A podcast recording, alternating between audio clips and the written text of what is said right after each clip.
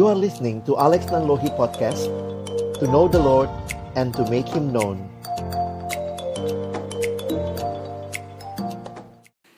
Mari kita berdoa sebelum kita membaca merenungkan firman Tuhan. Kami datang dalam ucapan syukur kepada Tuhan yang begitu mengasihi kami.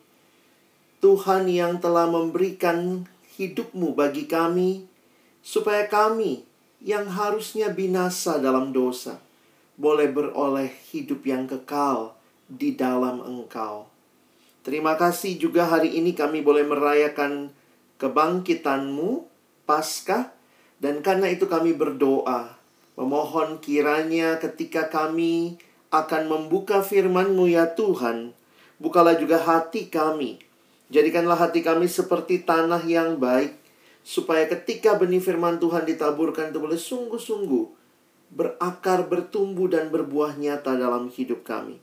Berkati hambamu yang menyampaikan, setiap kami yang mendengar, Tuhan tolonglah kami semua, agar kami bukan hanya jadi pendengar-pendengar firman yang setia, tapi mampukan dengan kuasa pertolongan dari rohmu yang kudus, kami dimampukan menjadi pelaku-pelaku firman-Mu di dalam kehidupan kami, di dalam masa muda kami.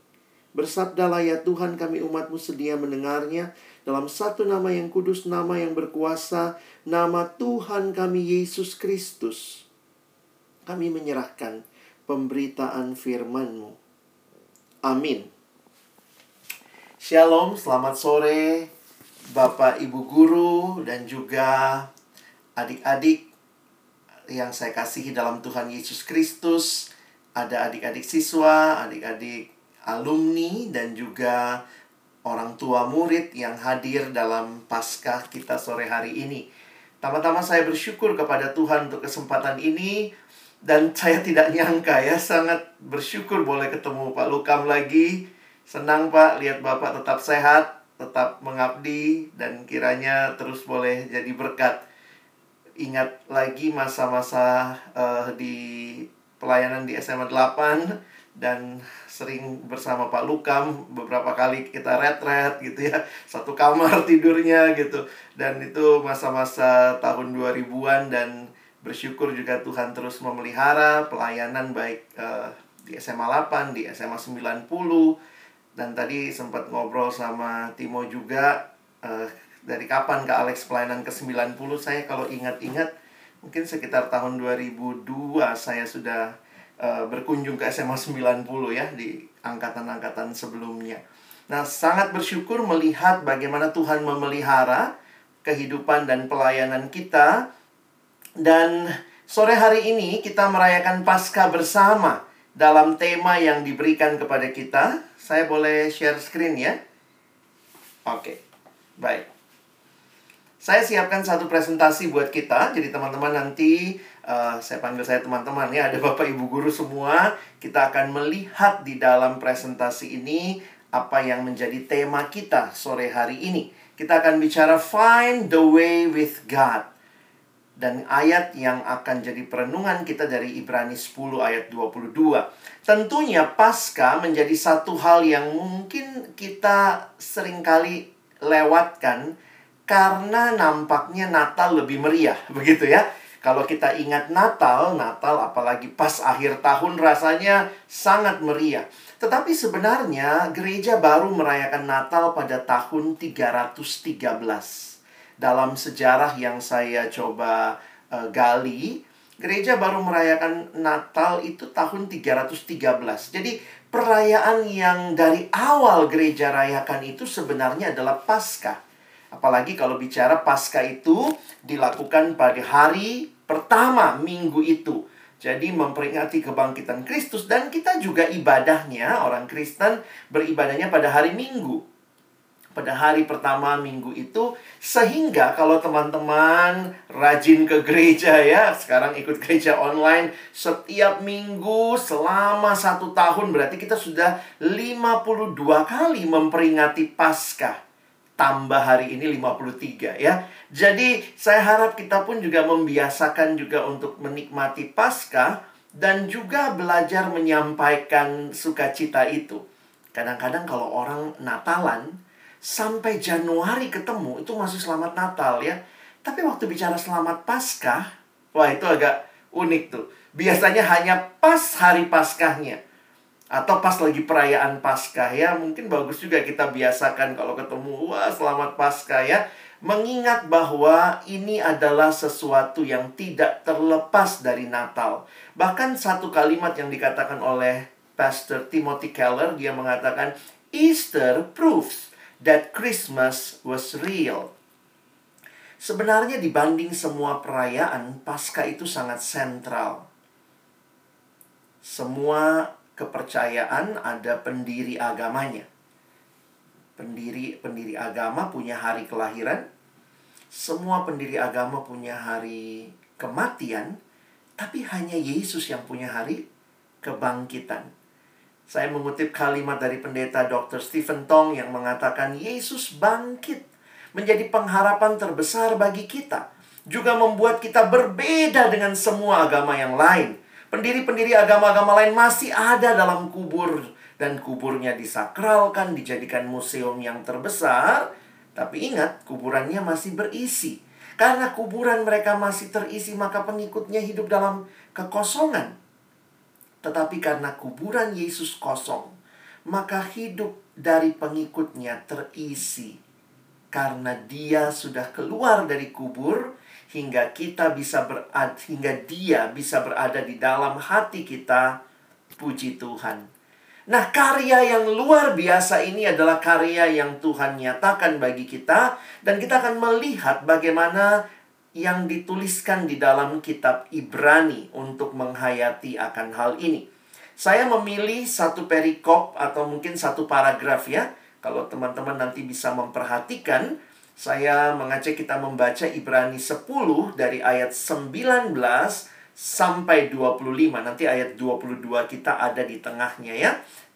Nah, saya ingin kita melihat ayatnya. Alex sudah tulis semua ayatnya di screen, jadi teman-teman nanti bisa mengikuti. Saya bacakan bagi kita. Jadi saudara-saudara, oleh darah Yesus, kita sekarang penuh keberanian dapat masuk ke dalam tempat kudus karena ia telah membuka jalan yang baru dan yang hidup bagi kita melalui tabir, yaitu dirinya sendiri. Dan kita mempunyai seorang imam besar sebagai kepala rumah Allah. Karena itu, marilah kita menghadap Allah dengan hati yang tulus ikhlas. Nah, ini tema kita ya. Dan keyakinan iman yang teguh. Oleh karena hati kita telah dibersihkan dari hati nurani yang jahat, dan tubuh kita telah dibasuh dengan air yang murni. Marilah kita teguh berpegang pada pengakuan tentang pengharapan kita, sebab Ia yang menjanjikannya setia. Dan marilah kita saling memperhatikan supaya kita saling mendorong dalam kasih dan dalam pekerjaan baik. Janganlah kita menjauhkan diri dari pertemuan-pertemuan ibadah kita, seperti dibiasakan oleh beberapa orang tetapi marilah kita saling menasehati dan semakin giat melakukannya menjelang hari Tuhan yang mendekat. Sedikit latar belakang kalau belajar kitab Ibrani, memang para ahli sampai hari ini juga memperdebatkan siapa penulisnya karena memang tidak ada nama penulis sebagaimana lazimnya di kitab-kitab yang lain sehingga kita sebut saja penulis kitab Ibrani. Dan penulis kitab Ibrani ini menuliskan kepada jemaat di abad pertama yang waktu itu punya pergumulan dengan kehidupan kekristenan mereka. Nampaknya menjadi Kristen di abad pertama itu tidak mudah. Taruhannya nyawa. Sehingga banyak dari mereka karena mungkin penganiayaan yang begitu dahsyat yang mereka alami, mereka mau mundur dari iman mereka. Tetapi kemudian penulis kitab Ibrani menguatkan mereka. Ingat, ingat akan Tuhan, terus bertahan. Nampaknya mereka adalah orang-orang Yahudi yang kemudian jadi Kristen. Karena itu, kalau kita perhatikan bagaimana penulis kitab Ibrani menjelaskan tentang iman Kristen dalam terang apa yang dipahami di Perjanjian Lama. Mereka, orang-orang Yahudi, punya kitab Perjanjian Lama, mereka terbiasa melihat di dalam Perjanjian Lama ada kurban. Kalau datang kepada Tuhan harus bawa kurban. Lalu yang datang itu nggak bisa langsung ketemu Tuhan, harus lewat imam. Ada imam dan mereka punya tempat ibadah di mana mereka harus datang itu ya, datang ke bait Allah untuk mempersembahkan kurban. Makanya laki-laki dewasa orang Yahudi satu tahun tiga kali harus datang ke Yerusalem, tempat bait Allah itu ada. Jadi teman-teman harus ingat konteksnya adalah perjanjian lama yang kemudian penulis Ibrani mau memberikan makna yang baru atau boleh kita pakai istilah bahwa semua yang kamu lakukan di perjanjian lama itu telah digenapkan dalam Yesus Kristus. Jadi kalau kita ingat sekali lagi kurban, kurban itu dibawanya hidup nanti sampai di bait Allah harus disembelih. Lalu darahnya dicurahkan, dipercikkan. Lalu yang mempersembahkan itu adalah imam besar. Jadi ini semua yang kalau kita perhatikan ada di dalam bagian ini. Kalau teman-teman membaca sampai pasal 9 kitab Ibrani, jelas sekali penulis Ibrani mencoba memberikan penjelasan, ya. Makanya saya tuliskan begini ya, sebagian besar ke Alex tulis supaya nanti kalau ada gangguan koneksi kalian nggak kehilangannya bisa tetap lihat. Di dalam kitab Ibrani dijelaskan tentang Yesus Kristus. Nah, menariknya begini penjelasannya. Yesus Kristus itu imam besarnya dan sekaligus kurban penebus dosa yang sempurna. Jadi kalau kita perhatikan di perjanjian lama ada sistem kurban dan itu harus dipersembahkan oleh imam besar.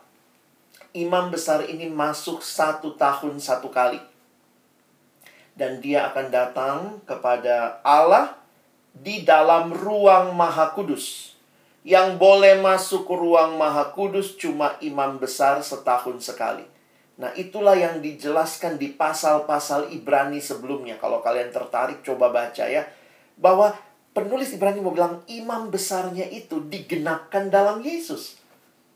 Tapi bukan hanya imam besarnya, tetapi kurban penebus dosa yang sempurna. Kalau di Perjanjian Lama mereka membawa kurbannya hewan, memang menarik ya. Sejak Perjanjian Lama kita tahu kurban itu harus darahnya tercurah karena darah itu sebagai lambang penebusan dosa. Dan menarik sekali, penulis Ibrani mengatakan begini: kalau tiap tahun bawa kurban, kalau tiap tahun bawa kurban, berarti kurban sebelumnya nggak diterima dong. Sekarang bawa lagi, eh tahun depan datang lagi. Berarti kurban itu bukanlah segala-galanya karena kurban tidak bisa menghapus dosa. Makanya di dalam Ibrani, kalian nanti lihat pasal 8, pasal 9, dia katakan, tidak mungkin darah lembu jantan menghapuskan dosa. Berarti kita menunggu kurban yang sempurna. Nah, inilah yang digenapkan di dalam kehadiran Yesus. Dia imam besarnya, tapi pada saat yang sama dia juga kurban penebus dosa yang sempurna. Ada tiga hal yang bisa kita perhatikan dari ayat yang kita baca tadi. Ya, yang pertama tentang apa yang Yesus sudah lakukan. Yang pertama dikatakan darah Kristus membawa kita masuk ke tempat kudus. Itu ayat 19. Jadi saudara-saudara oleh darah Yesus kita sekarang penuh keberanian dapat masuk ke tempat kudus. Karena darah Kristus kita yang percaya kepadanya disucikan diperdamaikan dengan Allah, dan dilayakkan masuk ke hadirat Allah. Kalau dulu harus ke Yerusalem, harus datang, lokasinya tertentu, waktunya setahun tiga kali, maka penulis Ibrani mau mengatakan, no, sekarang karena darah Kristus, kita dapat masuk dengan penuh keberanian. Kenapa dipakai kata keberanian? Di dalam tradisinya pada waktu itu, kalau imam besar masuk mempersembahkan kurban, itu seluruh umat nunggu di luar dengan takut ini diterima nggak ya kurbannya ya? Diterima nggak ya kurbannya? Sehingga itu satu situasi yang tidak tidak apa ya tidak nyaman ya menunggu apakah kurban ini diterima Allah atau tidak. Makanya Begitu dikatakan Yesuslah kurban yang sempurna, penulis Ibrani langsung mengatakan sekarang dengan penuh keberanian, tidak kayak di perjanjian lama takut-takut nunggu kurbannya diterima atau tidak. Ini sudah pasti diterima. Karena darah Yesus memperdamaikan kita dengan Allah. Lalu apalagi gambaran yang dia berikan? Perhatikan yang kedua ya dikatakan di ayat 20, Kristus membuka jalan yang baru dan hidup melalui tabir yaitu dirinya sendiri. Teman-teman kalau belajar struktur kemah pertemuan yang kemudian jadi bait Allah, ada yang namanya ruang kudus, lalu ada ruang maha kudus. Masih ingat? Ruang kudus, ruang maha kudus. Lalu antara ruang kudus dan maha kudus ada tirai. Masih ingat tirai itu yang ketika Yesus mati dikatakan tirai di bait Allah terbelah dua. Wah, teman-teman itu luar biasa. Apalagi kalau kalian nanti baca keterangan sejarahnya, terbelah duanya bagaimana? Bisa aja dong ya, ada anak-anak berdua main, satu narik sini, satu narik sana. Tuh, sobek dah tirai gitu ya. Tapi logikanya, Alkitab menuliskan, tirai itu terbelah dua dari atas ke bawah. Bisa lihat logikanya? Kalau dari bawah ke atas, namanya juga tirai, pasti jepitannya di atas. Dari bawah bisa tarik, bisa sobek begitu. Tetapi Alkitab menulis ketika Yesus mati, maka tabir bait Allah itu terbelah dua itu berarti tidak ada lagi pemisah antara ruang kudus dan yang maha kudus. Kalau dulu imam besar aja yang bisa masuk satu tahun satu kali ke ruang maha kudus. Sekarang, Kristus dia yang buka jalan. Penulis Ibrani mengatakan melalui dirinya lah tabir itu. Jadi lihat gambarannya, Yesus itu adalah tabir. Makanya ayat 20, karena ia telah membuka jalan yang baru dan yang hidup bagi kita melalui tabir yaitu dirinya sendiri. Jadi apa yang sedang dia gambarkan? Kematian Kristus. Dirinya yang dia serahkan, artinya tubuhnya, dagingnya sendiri. Jelas ini menunjukkan kematiannya di atas kayu salib. Jadi tubuh Yesus dikorbankan di kayu salib adalah tabir yang melaluinya manusia boleh masuk ke hadapan Allah. Karena Yesuslah satu-satunya jalan kepada Allah. Wah ini indah sekali kalau kalian bisa memahami ya. Coba sebentar jadi orang Yahudi yang dulu repot banget dah. Mesti datang bawa kurban. Lalu kalau bawa kurban bukan dia lagi yang boleh masuk. Yang masuk cuman imam besar satu tahun cuman tiga kali boleh masuk. Sambil dia masuk semua nunggu ketakutan diterima atau tidak. Tetapi di dalam Kristus dia jadi imam besarnya. Dia juga jadi kurbannya. Dan tubuhnya itu dikatakan seperti tirai tabir yang melaluinya manusia boleh masuk kepada Allah dan yang ketiga, kalau kalian perhatikan ya, Kristus adalah imam besar, yaitu kepala rumah Allah. Dan kita mempunyai seorang imam besar sebagai kepala rumah Allah. Artinya apa? Artinya, selain jalan kepada Allah, Yesus Kristus jugalah yang dapat mempertemukan manusia dengan Allah dan membangun komunikasi yang akrab dengan Allah secara bebas. Teman-teman kita nggak bisa tutup mata bahwa inilah yang Yesus lakukan buat kita. Ketika Yesus datang ke dalam dunia, ingat dia tidak datang studi tour, studi banding, pengen lihat-lihat. Dia datang untuk satu misi yang agung, yaitu mendamaikan kembali manusia dengan Allah dan juga manusia dengan sesamanya.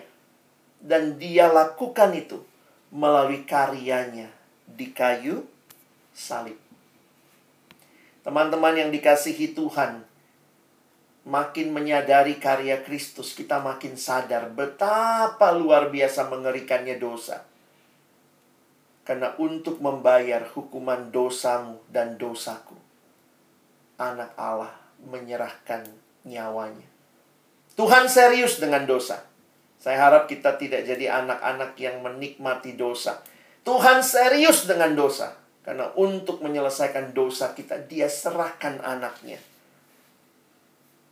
Dan apa yang bisa kita perhatikan?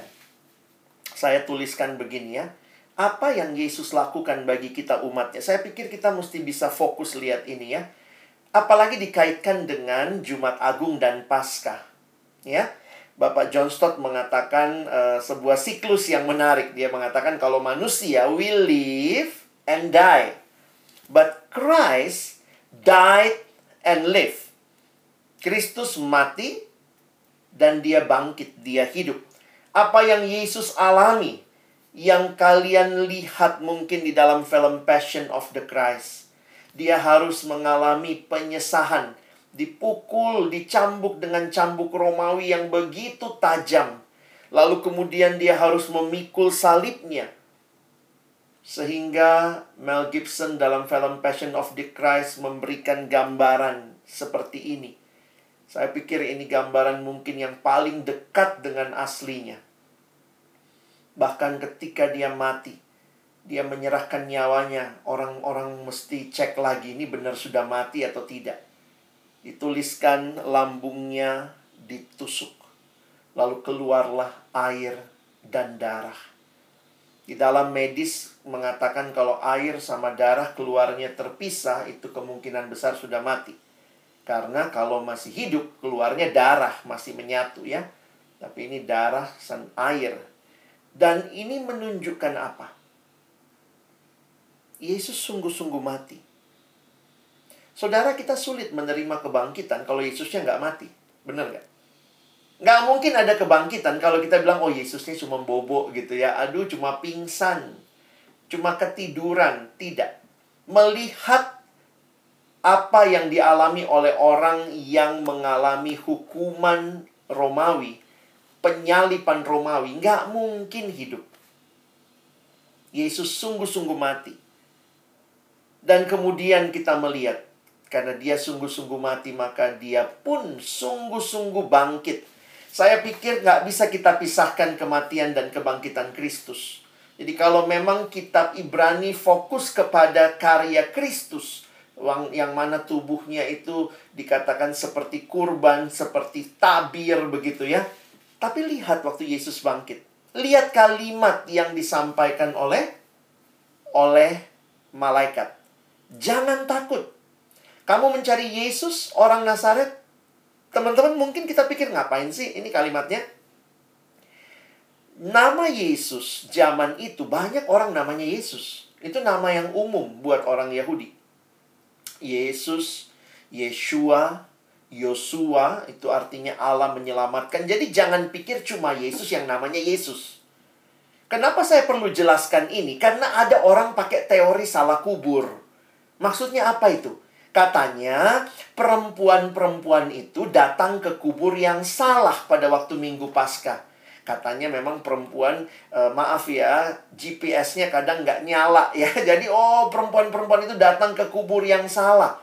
Tetapi kalau kalian lihat catatan Injil, perempuan yang sama yang melihat uh, tubuh Yesus dibaringkan, mereka juga yang melihat batu itu digulingkan, perempuan yang sama yang datang pada minggu Paskahnya. Dan saya makin memperjelas, diperjelas dengan kalimat malaikat ini. Karena malaikatnya bilang begini, kamu mencari Yesus, Yesus yang mana? Yesus banyak. Orang Nazaret. Nah, lihat ya, jadi malaikat mau bilang, ini kuburnya Yesus yang orang Nazaret yang matinya bukan karena mati sakit, mati tua, dia matinya yang disalibkan itu. Ia telah bangkit, ia tidak ada di sini. Lihatlah tempat mereka membaringkan dia. Puji Tuhan, kalau kematian Kristus tetap mati dan tidak pernah bangkit, saya pikir tidak ada gunanya kita percaya salib. Tetapi, Karena itulah kita melihat tanpa kebangkitan salib tidak ada artinya. Ingat lagi ya, bukan cuma Yesus yang disalib, ada banyak orang juga yang waktu itu melanggar perintah orang-orang Romawi dihukum disalib. Tetapi kenapa salib Yesus berbeda dengan semua salib yang pernah ada? Karena yang disalibkan di situ, dia bangkit pada hari yang ketiga. Jumat Agung jadi agung hanya karena ada Minggu Paskah. Kalau tidak ada Minggu Paskah itu bukan Jumat Agung, itu Jumat paling mengerikan, Jumat paling sial sepanjang sejarah. Ada orang yang mati dan tidak pernah bangkit dan merasa dirinya juru selamat. Tetapi dengan Kristus bangkit pada Minggu Paskah, apa yang mau dibagikan? Tuhan menerima kurban Kristus yang mendamaikan manusia dengan Allah. Kalau Kristus kurbannya tidak diterima, berarti ada kurban lain seperti yang ditulis oleh penulis Ibrani. Kalau tahun ini kamu bawa kurban, eh tahun depan bawa kurban lagi hewan, tahun depan bawa kurban lagi hewan, berarti kurbanmu yang kemarin nggak belum belum bisa menyelesaikan semua dosamu. Tetapi ketika kita melihat hari Paskah Yesus dibangkitkan, itu menunjukkan bahwa Allah menerima kurban Yesus yang sempurna. Wah, ini luar biasa iman kita. Paskah dia bangkit karena dia berkata akulah kebangkitan dan kebangkitannya memberikan awal yang baru. Saya menuliskan kebangkitan Yesus memberikan hidup yang baru, bukan lagi hidup yang menikmati dosa kan dosa sudah diselesaikan harusnya sekarang new me. Makanya kekristenan itu bukan sekedar being nice. Pastor Timothy Keller kembali mengatakan, Christianity is not about being nice, it's about being new. Hidup yang baru. Kita sekarang punya kuasa. Kuasa kebangkitan itu bekerja dalam diri kita. Perhatikan kalimat ini. Melalui kebangkitan Kristus yang hidup kembali dia memberi kita kuasa atas segala kecenderungan dosa. Ketika kita mengizinkan Dia mengendalikan hidup kita. Teman-teman, mari taat. Karena ketika Kristus bangkit, Dia memberikan kuasa bagi kita juga untuk tidak memilih dosa terus-menerus. Kalau dulu kita begitu cinta sama dosa, maka sekarang dalam Tuhan, no. Bukan lagi dosa tapi aku mau hidup menyenangkan Tuhan. Kalau kamu sungguh mengalami pasca, maka ada kehidupan yang penuh kuasa yang Tuhan berikan kepadamu. Nah, barulah sebenarnya setelah menghayati karya yang sangat agung ini, ayat tema kita itu aplikasi sebenarnya ya. Way to God itu terjadi karena Yesus. Sekarang Tuhan sudah buka jalan. Nah, sekarang pertanyaannya kamu mau pakai nggak jalan itu? Kamu mau meresponinya kah? Saya pikir ini satu bagian yang sangat indah. Kalau teman-teman kembali ke ayat kita, nah saya coba mau highlight saja. Saya nggak punya waktu jelasin detailnya, tapi kalau kalian mau perhatikan, ada tiga. Jadi kan dijelaskan ya, Yesus Kristus sudah buka jalan nih dia sudah mati, dia sudah bangkit, dia membuka jalan bagi kita kepada Allah.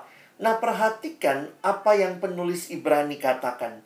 Maka ada respon. Nah, responnya sebenarnya kalau saya bilangnya tiga ya. Mungkin biar gampang. Karena di ayat 22, kalau teman-teman kembali ke ayat 22, di ayat 22 ada kata karena itu. Nah, kalau dibacaan kan bagaimana dong? Makanya saya tidak bisa langsung ke ayat 22. Abang harus jelasin mulai dari ayat 19. Ayat 19 sampai 21. Karena itu, karena apa? Karena Yesus sudah buka jalan untuk kita datang kepada Allah. Karena dia sudah bagikan hidupnya. Dan dia bangkit menunjukkan kemenangannya maka marilah kita. Nah, menarik nih, teman-teman nanti perhatikan ya. Ada tiga kali marilah kita. Saya menyatukan marilah kita yang ketiga ya, walaupun itu muncul di ayat 24 dan di ayat 25. Marilah kita, marilah kita, marilah kita. Penulis Ibrani tidak mau kita hanya jadi orang yang tahu Yesus mati, tahu Yesus bangkit, tetapi alami kebangkitannya, alami dalam hidupmu. Teman-teman, semua orang bisa bicara, Yesus mati. Semua orang bisa ngomong, Yesus bangkit, Yesus mati. Tapi kita yang percaya, kita bisa berkata apa? Yesus mati bagiku. Yesus bangkit bagiku. Yesus dan aku ada hubungannya. We have a way to God in Christ. Karena itu marilah kita. Ada tiga hal yang digambarkan di sini. Yang pertama, kita lihat, marilah kita apa? Marilah kita, ini tema kita ya. Marilah kita menghadap Allah. Ayo, cari Tuhan sungguh-sungguh. Dua, dia sudah buka jalan untuk engkau dan saya. Karena itu, marilah kita menghadap Allah dengan hati yang tulus ikhlas dan keyakinan iman yang teguh. Oleh karena hati kita telah dibersihkan dari hati nurani yang jahat dan tubuh kita telah dibasuh dengan air yang murni. Saya ingin fokus kepada kata iman sebenarnya. Mari percaya. Iman itu kan artinya percaya. Percaya jangan ragu. Jadi pertanyaannya begini, Yesus sudah mati bagimu, dia sudah bangkit bagimu, percayakah engkau bahwa dia sudah memberikan kuasa untuk kita hidup benar? Karena hati kita udah dibersihkan. Kalau dulu hati kita penuh dengan dosa, penuh dengan kecemaran. Maka dalam Kristus kita punya iman yang teguh. Apa itu iman? Di Ibrani 11 ayat 1 dijelaskan Iman adalah dasar dari segala sesuatu yang kita harapkan dan bukti dari segala sesuatu yang tidak kita lihat. Tidak ada dari kita yang hadir waktu Yesus disalib. Nggak ada dari kita yang hadir hari Minggu Paskah waktu dia bangkit. Tetapi dalam iman kita percaya bahwa benar-benar dia mati dan dia bangkit. Roh Kudus membawa kita mengalami pengalaman ini. Sehingga itu bukan cuma fakta sejarah, tetapi jadi pengalaman iman. Karena itu ayo pegang teguh iman ini. Hold fast dalam iman. Sekarang kita lihat. Marilah yang kedua. Karena itu marilah kita teguh berpegang kepada pengakuan tentang pengharapan kita. Sebab ia yang menjanjikannya setia. Wah, ini bicara pengharapan. Teman-teman ada ayat yang menarik juga di dalam 1 Petrus pasal 1 ayat yang ketiga karena juga bicara pengharapan dan lebih khusus lagi pengharapan yang dibawa oleh kebangkitan Yesus. Coba baca ayatnya. Terpujilah Allah dan Bapa Tuhan kita Yesus Kristus yang karena rahmatnya yang besar telah melahirkan kita kembali oleh kebangkitan Yesus Kristus dari antara orang mati kepada suatu hidup yang penuh pengharapan. Wah, ini indah sekali, teman-teman. Kalau kita menghayati waktu dulu hidup dalam dosa itu siklusnya jelas. Lihat, siklus hidup manusia dalam dosa apalagi lahir, hidup, mati. Cuma itu hidup. Lahir, hidup, mati. Lahir, hidup, mati. Tetapi ketika Kristus bangkit dan kita percaya pada Yesus yang bangkit, Ingat, siklus hidup bukan cuma lahir, hidup, mati. Tapi lahir, hidup, mati, bangkit. Dan Kristus yang bangkit itu membawa kita juga akan bangkit. Dan kita, itu yang kita ungkapkan setiap hari Minggu. Kalau kita berdiri di gereja dan berkata, aku percaya akan kebangkitan tubuh kebangkitan daging, kebangkitan orang mati. Kita percaya bahwa kita pun akan bangkit bersama Kristus. Bagi kita ini sebuah hidup yang melampaui yang kita bisa bayangkan. Bagi mereka yang dalam dosa, akhir ceritanya mati. Tapi buat kita yang di dalam Kristus, akhir cerita kita apa? Bangkit. Sehingga ada pengharapan Teman-teman buat kita ada pengharapan. Ingat baik-baik itu. Jangan hidup dalam keputusasaan. Kenapa? Ceritanya belum selesai. The story is not end yet. Makanya saya tuliskan gini ya dari ayat ini. We have a living hope. Because we have a living Savior. Pengharapan tuh unik ya. Pengharapan itu kan belum terjadi, tapi kita sudah berasa efeknya. Coba Kak Alex kasih contoh ya, mungkin yang kelas 12 nih ya. Mungkin kan udah mau lulus nih atau sudah lulus mungkin ya, minggu depan udah pengumuman, lalu mungkin mau kuliah apa. Bisa jadi begini ya, anggaplah ada orang tua yang janji sama anaknya. Nanti kalau lulus kelas 12 kita jalan-jalan ke Eropa. Dalam mimpi aja nih ya, karena masih lockdown ya. Nanti kalau kamu lulus, jalan-jalan ke Eropa. Nah, teman-teman jalan-jalan ke Eropanya belum kejadian. Itu masih itu pengharapan. Tetapi pengharapan itu bukan hanya buat nanti. Tetapi pengharapan itu punya efek dari sekarang. Begitu lagi malas belajar, tiba-tiba ingat lagi Eropa, Eropa. Wah, semangatnya muncul lagi. Demikian juga dengan hidup kita. Pengharapan yang kekal Tuhan berikan kepada kita. Tetapi itu bukan hanya nanti, tetapi berdampak dalam hidup kita sekarang. Teman-teman jangan takut, jangan merasa Tuhan meninggalkanmu karena engkau dan saya ada di dalam tangan Tuhan yang kuat. Bagi adik-adik kelas 12, percaya kepada Tuhan. Berserah kepada dia, dia pengharapan kita. Bagi kalian ini masa pandemi ini banyak yang mengalami pergumulan dan luka-luka bahkan mungkin kehilangan orang yang dikasihi. Beberapa orang datang dengan tangisan. Seorang adik saya yang uh, saya kenal di satu kampus, papa mamanya meninggal hanya selang satu hari. Papanya hari ini, mamanya besoknya, dua-duanya karena COVID. Dan itu sangat menyedihkan buat mereka dan mereka sekarang ya tinggal berdua kakak beradik. Dan situasi itu apa yang bisa bikin kita bangkit kalau kita nggak punya pengharapan? Hidup yang paling menyedihkan itu bukan penderitaan. Hidup yang paling menyedihkan ketika engkau tidak punya pengharapan. Tapi ingat hari ini Waktu Yesus bangkit, dia berikan pengharapan. Kematian itu bukan akhir orang percaya hari ini saya lihat status di update karena orang tuanya meninggal kira-kira setahun yang lalu. Mereka update status Papa Mama we miss you dengan gambar mereka lagi nyanyi berempat. Waktu saya lihat gambar itu saya pikir iya ya. Mengapa kita bisa bilang we miss you? Karena kita percaya satu waktu nanti kita akan berkumpul dengan orang-orang yang kita kasihi yang ada di dalam Tuhan. Puji Tuhan iman kita tuh bukan selesai di kuburan. Kalau mungkin agama-agama yang lain bicara selesainya di kuburan ya karena pendiri agamanya masih ada di situ. Tapi Kristus bangkit, saudara. Dia nggak ada kuburnya kosong. Sehingga kita punya pengharapan. Jangan takut. Dan pengharapan itu bahkan menolong kita melampaui pergumulan-pergumulan yang sulit. Tentu ada kesulitan hidup, ada. Kalimat ini jadi indah. Christ resurrection not only give you hope for the future, but hope to handle your scars right now.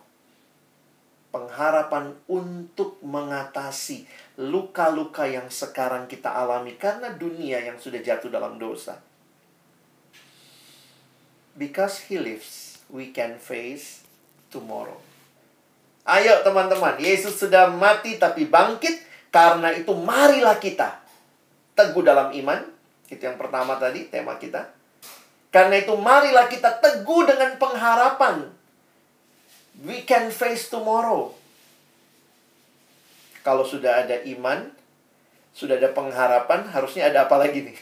Ini trilogi yang biasa muncul di Alkitab. Benar ya? Kasih. Wah, ini semua ada di ayat ini loh. Iman itu kepada Allah, pengharapan akan janji Allah, dan kasih kepada sesama. Wow, kebangkitan Yesus yang kita pelajari dari Ibrani 10 hari ini. Mari kita beriman, mari kita berpengharapan, mari kita hidup dalam kasih. Jelas itu muncul di ayat 24. Dan marilah kita saling memperhatikan supaya kita saling mendorong dalam kasih dan dalam pekerjaan baik Pendeta John Stott mengatakan sebagaimana ikan dibuat untuk air, umat manusia dibuat untuk kasih, untuk mengasihi Allah dan mengasihi sesama. Teman-teman, kalau kita mengalami pasca, ayo kita belajar juga mengasihi satu sama lain. Di Alkitab, salah satu kata yang paling juga banyak di mention ya, itu kata saling. ya Kalau Inggris mungkin one another. Kalian bisa lihat ya, bisa cek tuh. Ternyata kehidupan Kristen kita bukan kehidupan sendirian Makin kita bangkit, kita alami Kristus yang bangkit, kita makin rajin bersekutu. Rokris, rokat, ini tempat kita beribadah, tempat kita bertumbuh. Kita tidak sedang terpisah, harusnya ini jadi wadah di mana teman-teman bangun hidupmu. Imanmu bertumbuh, pengharapanmu bertumbuh, kasihmu meluap saling mengaku dosa, saling mendoakan, saling melayani, saling mengasihi. Ini yang Tuhan mau dari hidup kita. Kurang banyak nih, ya. Oh, kurang banyak, Kak. Nih, Kak Alex tambahin. Nanti screenshot, baca sendiri, lihat ayat-ayatnya. Banyak sekali di Alkitab bicara tentang saling. Karena itu seorang teolog bernama Eugene Peterson, dia ingatkan tentang komunitas kita adalah sebuah komunitas. Kita tidak pernah hidup sendiri dan bagi diri sendiri. Kita dilahirkan di dalam komunitas, kita tinggal di dalam komunitas, kita meninggal di dalam komunitas. Natur manusia bukanlah untuk hidup menyendiri. Tidak heran muncul ayat terakhir. Ini ayat kan kita sering kalau ada yang malas persekutuan, malas datang rokris, rokat, dikasih ayat ini ya. Tapi waktu kalian lihat, Lihat baik-baik, ayat ini terjadi hanya karena Yesus sudah mati dan bangkit. Karena dia sudah mati dan bangkit, marilah kita jangan menjauhkan diri dari pertemuan ibadah kita seperti dibiasakan oleh beberapa orang. Jadi dari dulu juga banyak yang males ya. Seperti dibiasakan. Ada juga yang membiasakan diri, ah nggak usah datang, ah gitu ya. Tapi lihat, marilah kita saling menasehati dan semakin giat melakukannya menjelang hari Tuhan yang mendekat. Jadi saya berharap aplikasi sore hari ini nih banyak ya. Imanmu sungguh-sungguh percaya sama Tuhan, yakin bahwa Yesus bangkit dan kamu tidak lagi hidup dalam dosa. Kamu punya pengharapan, jangan takut dengan masa depan. Ada Tuhan di sana berjalan mendahuluimu. Kematian bukan akhir segalanya. Dia bangkit. Dan ada kasih. Karena Tuhan tidak hanya mau Oh, saya mengasihi Tuhan, tapi bagaimana relasimu dengan sesama? Makanya kalau kita sungguh-sungguh alami Paskah, pasti ada perbedaan. Pasti ada perbedaan. Belajarmu beda ya. Kalau dulu nyontek mungkin seneng gitu ya. Ini lagi PJJ begini gimana juga ya. Ada juga yang bisa cari celah ya. Copy paste tugas gitu.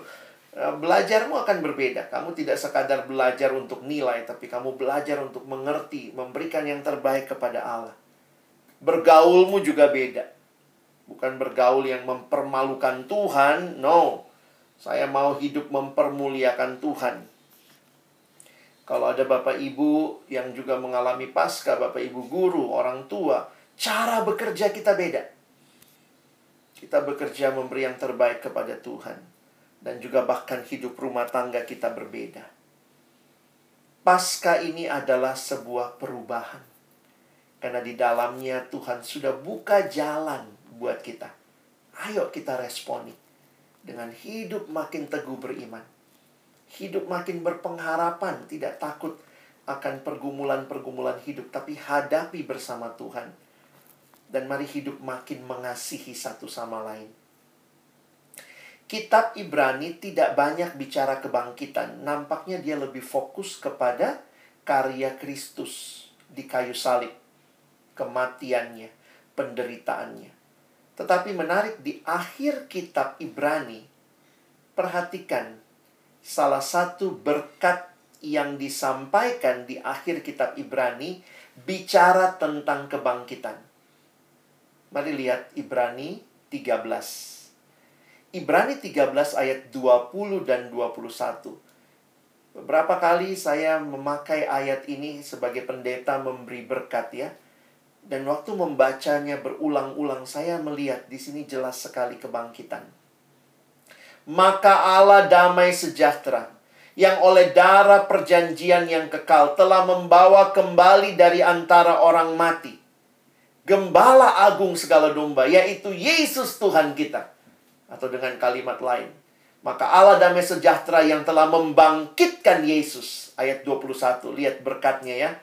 Wah ini indah sekali. Kiranya memperlengkapi kamu dengan segala yang baik untuk melakukan kehendaknya dan mengerjakan di dalam kita apa yang berkenan kepadanya oleh Yesus Kristus. Bagi dialah kemuliaan sampai selama-lamanya. Saya rindu hari ini kita tidak hanya sama-sama merayakan Paskah. Mari ingat, Paskah bukan sekadar perayaan, tapi Paskah adalah perubahan. Selamat Paskah, Bapak Ibu, guru, orang tua murid, adik-adik siswa, alumni, biarlah pasca kali ini benar-benar membawa perubahan hidup. Yesus sudah buka jalan. Hiduplah dalam iman, dalam pengharapan, dan kasih. Find the way with God. Hiduplah bagi dia. Mari kita berdoa. Tuhan terima kasih kalau kami kembali merayakan Paskah Kiranya seket ini bukan sekadar perayaan yang rutin harus dilakukan sebagai hari-hari besar keagamaan, tetapi sebagai momentum kami merefleksikan diri kami. Bagaimana sudah hidup kami sejauh ini? Kalau engkau sudah mati dan bangkit buat kami, masihkah kami hidup di dalam dosa, menikmati kedagingan kami, Mungkin masih ada yang terbelenggu dengan dosa-dosa yang dinikmati selama ini. Kebohongan, iri hati, dengki, dendam, pornografi, pacaran tidak seiman, terbelenggu dengan nyontek, terbelenggu dengan seks bebas, terbelenggu dengan rokok, terbelenggu dengan hal-hal yang kami tahu tidak menyenangkan Tuhan. Kami berdoa sungguh Tuhan, masa muda kami cuma satu kali. Dan biarlah kami yang mengalami kematian dan kebangkitanmu. Boleh bangkit dan mempersembahkan seluruh masa muda kami bagi Tuhan. Berdoa bagi teman-teman kelas 12 secara khusus. Berikan mereka terus keteguhan hati dan pengharapan bahwa di dalam Tuhan ada masa depan yang indah. Hamba berdoa bagi adik-adikku ini, baik yang sudah mendapat jurusan di kuliah, maupun yang masih harus berjuang dengan segala jenis tes masuk universitas. Biarlah Tuhan tolong mereka belajar dengan baik dan berharap bersandar kepada Tuhan. Dan berkati juga kami bukan hanya jadi orang-orang yang terlihat jelas mengasihi Tuhan dalam ibadah-ibadah kami. Tapi biarlah ketika kami saling memperhatikan satu sama lain. Saling mengasihi satu sama lain. Orang boleh melihat Yesus yang bangkit itu melalui hidup dan kesaksian kami. Terima kasih Tuhan. Kami bersyukur tolong seluruh rangkaian acara sampai selesai nanti biarlah kami boleh mengikutinya dengan baik. Kami bersyukur menutup firman-Mu dalam nama Yesus kami berdoa. Amin.